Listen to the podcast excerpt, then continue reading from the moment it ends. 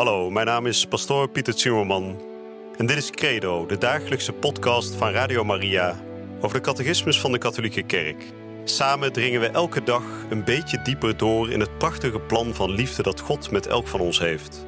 Laat je inspireren en ga met ons mee op deze avontuurlijke reis door het geloof.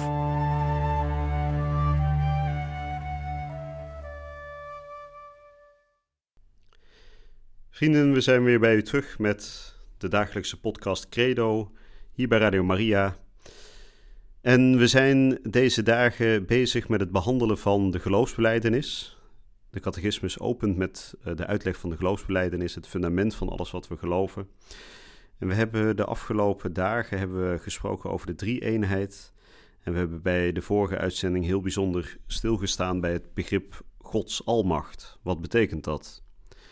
We weten God is almachtig, hè, dat bidden we ook altijd in de geloofsbeleidenis. En we hebben het er in de vorige uitzending over gehad wat dat precies betekent. God is almachtig, hij kan alles. Maar dat wil niet zeggen dat hij ook alles wil. God is ook liefde, weten we. God is rechtvaardigheid. Dus God zal in zijn almacht nooit tegen zijn eigen liefdevolle wil ingaan. dus alles wat hij doet in zijn almacht, zijn hele schepping, ligt uiteindelijk in het verlengde van de liefde die hij is. En we hebben in de vorige uitzending daarover gesproken. En vandaag gaan we ja, de vorige uitzending samenvatten. Het is maar een korte paragraaf geweest, maar die eindigt ook weer zoals de andere paragraaf in de catechismus. Met dat kleine blokje in het kort. Hè, u weet dat. Elke paragraaf wordt afgerond met een soort samenvatting van die paragraaf. Zo ook de paragraaf over de almacht. En dat betekent dat ik vandaag uh, wat kortere nummers ga behandelen. Maar dat betekent ook dat we daar wel wat langer bij stil kunnen staan. Hè? Dus het heeft uh, ook zijn voordeel dat ik vandaag iets minder voorlees uit de catechismus. En dat we iets meer gewoon echt erbij stil kunnen staan. En hopelijk wordt het dan ook allemaal weer wat duidelijker voor u. Nou, ik zal dadelijk gaan voorlezen de nummers 275 tot en met 278. Kort stukje. Maar we zullen eerst weer, zoals gebruikelijk, gaan bidden. In de naam van de Vader en de Zoon en de Heilige Geest. Amen. Heer God, U bent de Almachtige Heer. U hebt alles in wijsheid geschapen. U hebt ook ons geschapen. U hebt onze ziel gegeven, die mag voortleven in eeuwigheid. En u hebt ons dit leven hier op aarde gegeven om deze ziel te heiligen te zuiveren, aan u te geven. Heer God, we willen vragen dat u de eenheid van ziel en lichaam die wij als mens vormen, mag opbouwen en mag voorbereiden op het eeuwig leven dat bij u wacht. Heer God, we weten dat er ook kwaad is in de wereld. Maar we willen bidden dat wij daar zelf nooit aan mee mogen werken. En als we dat wel doen, dat we ons dan bekeren, dat we dan brouw mogen tonen en weer thuis mogen komen bij u. Amen. We vervolgen de nummers uit de catechismus. We beginnen vandaag bij nummer 275 in het kort en ik lees voor. Met de rechtvaardige Job beleiden we: Inderdaad, gij kunt alles. Voor u is niets onuitvoerbaar. Trouw aan het getuigenis van de Schrift richt de kerk haar gebed dikwijls tot de almachtige eeuwige God. In het Latijn omnipotens sempiterne Deus. In het stellige geloof dat voor God niets onmogelijk is. God toont zijn almacht door ons van onze zonde te bekeren en ons door de genade weer in zijn vriendschap aan te nemen. God, gij toont uw grootheid, vooral als gij ons genadig zijt, en barmhartigheid bewijst. Als men niet gelooft dat Gods liefde almachtig is, hoe kan men dan geloven dat de Vader ons heeft kunnen scheppen, dat de Zoon ons heeft kunnen vrijkopen en dat de Heilige Geest ons heeft kunnen heiligen?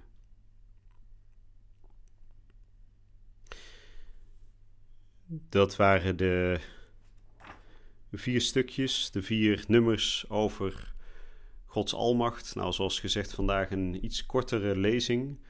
Maar dat is wel goed, want dan kunnen we dus even wat langer bij stil gaan staan. We hebben nogmaals gehoord over het feit dat voor God niets onmogelijk is. En God, ook al is hij tot alles in staat, is niet een soort grote tovenaar die met een toverstafje ineens van allerlei wonderlijke dingen doet. dat zou hij kunnen als hij zou willen, maar zoals gezegd, uh, God is ook liefde, dus hij wil niet alles zomaar. Nee, hij is geen grote tovenaar. Nee, God is iemand die zijn almacht vooral juist toont in zijn barmhartigheid. En daar bedoelt de catechismus mee dat op het moment dat God ons geschapen heeft, hè, dat is op zich al een wonder natuurlijk, dat is al een bewijs van zijn almacht. Hij heeft alles gemaakt, hij heeft het heelal gemaakt, maar hij heeft ook de mens geschapen. En we staan er niet altijd bij stil hoe wonderlijk dat eigenlijk is, hoe wonderlijk het menselijk wezen is. En in onze tijd zijn we nogal eens bezig met dat uh, meer uh, volgens uh, de wetten van de natuurkunde te verklaren of andere natuurwetenschappen. Dan gaan we zeggen, ja, de mens is ontstaan door de evolutie en is uit een eencellig wezentje is die voortgekomen. Dat eencellig wezentje heeft zich gedeeld en is een steeds rijker organisme geworden. Uiteindelijk zijn daar de vissen uit voortgekomen en later ook de landdieren. Nou, dit is niet het christelijk beeld. Waarom niet? Omdat in deze soort redeloze evolutietheorie er niet een duidelijk plan achter zit. En natuurlijk kan het zo zijn dat uh, bepaalde elementen van die evolutietheorie waar zijn. Hè? U moet weten dat de oerknal bijvoorbeeld, het concept van de oerknal, dat dat door een katholieke priester is bedacht ooit. Dus het is niet zo dat um, de kerk per definitie alle natuurwetenschappen afwijst.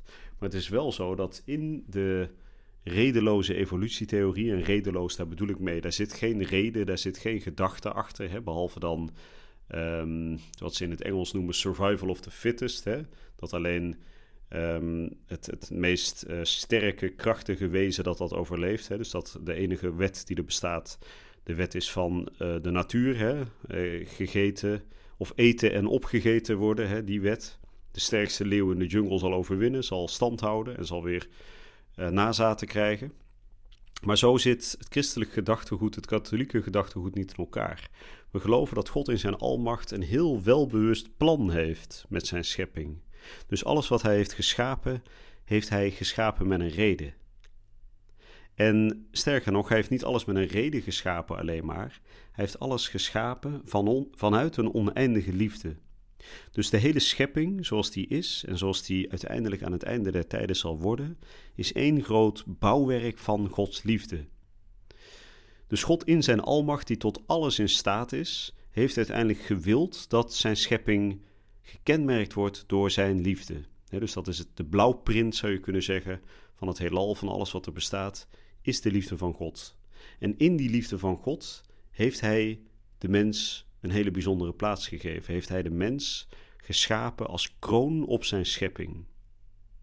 En hij weet natuurlijk ook dat hij de mens op zo'n subliem mooie manier gemaakt heeft, dat hij de mens ook het risico heeft meegegeven van de verkeerde keuze te kunnen maken. Zoals we de vorige uitzending ook al besproken hebben, heeft de mens geschapen in vrijheid. De mens is in staat te kiezen voor het goede, voor God of voor het kwade, tegen God.